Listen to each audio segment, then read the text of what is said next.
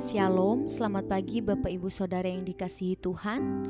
Salam sejahtera buat saudara semua di mana pun berada.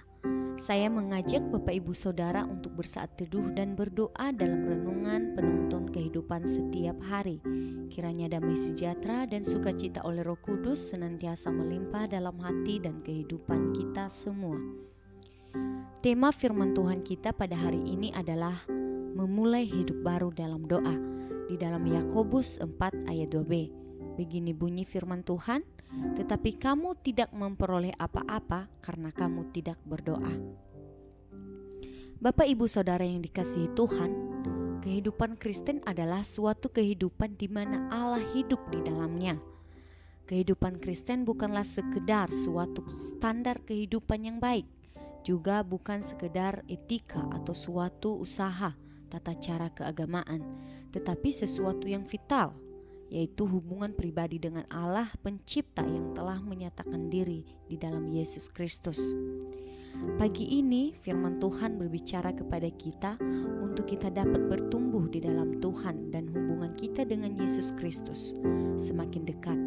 Hal itu dapat kita lakukan dengan cara berbicara kepada Tuhan lewat doa.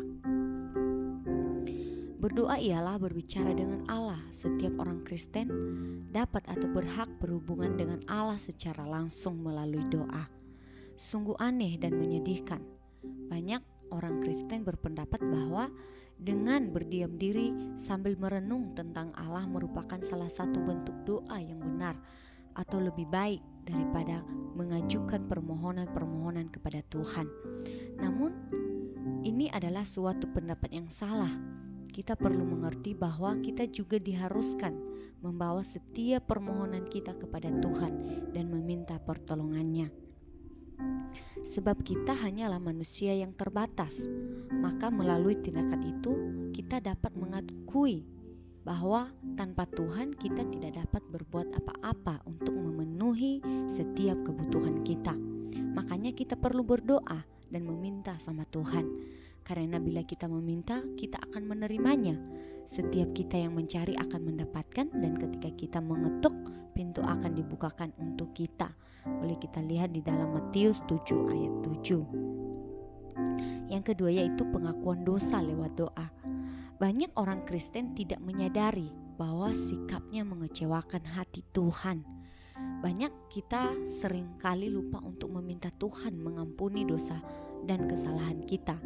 Namun, perlu kita ketahui bahwa pengakuan dosa merupakan salah satu doa untuk menyucikan dan melayakan kita di hadapan Tuhan, yaitu dengan kita meminta belas kasihan dan pengampunan atas semua dosa kita. Tuhan tidak akan mendengar doa-doa kita bila ada dosa-dosa dalam hidup kita yang belum kita akui.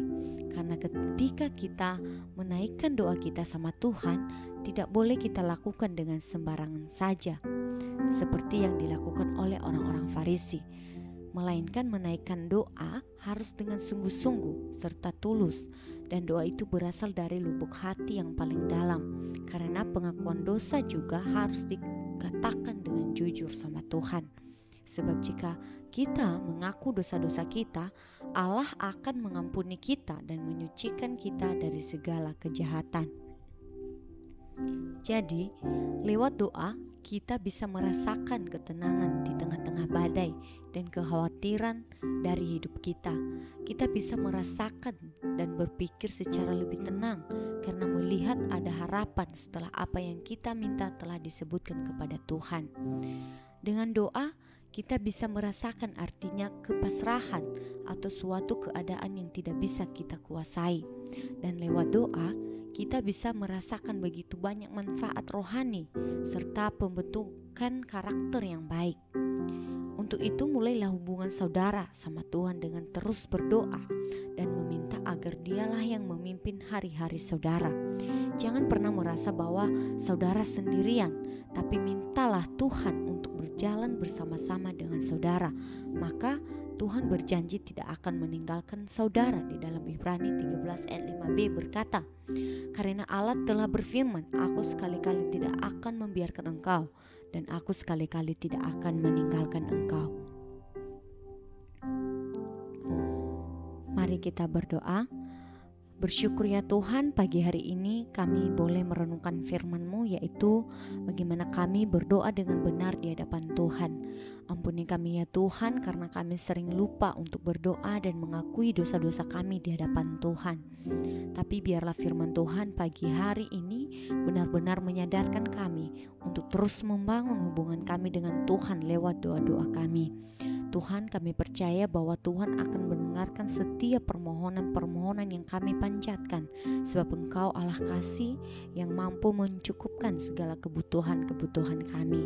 Dalam nama Tuhan Yesus kami berdoa dan bersyukur. Haleluya. Amin.